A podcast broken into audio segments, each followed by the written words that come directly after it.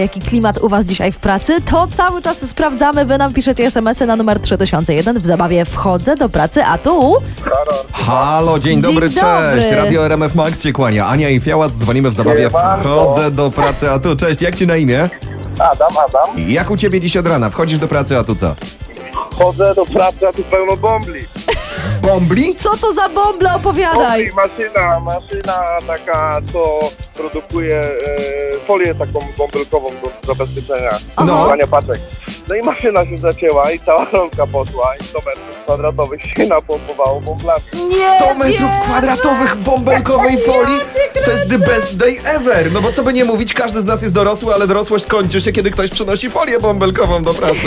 Dokładnie. No, Całe przedszkole mogę zaprosić. Jedno, drugie, żeby dzieci miały frajdy. Bąbelki do folii. W fabryce folii bąbelkowej najtrudniejsza rzecz to samokontrola. Okazuje się, że nawet maszyna nie daje rady, po prostu nie jest w stanie się powstrzymać. Jak byłeś w stanie w ogóle teraz z tej pracy wyjechać, skoro taka atrakcja przed tobą?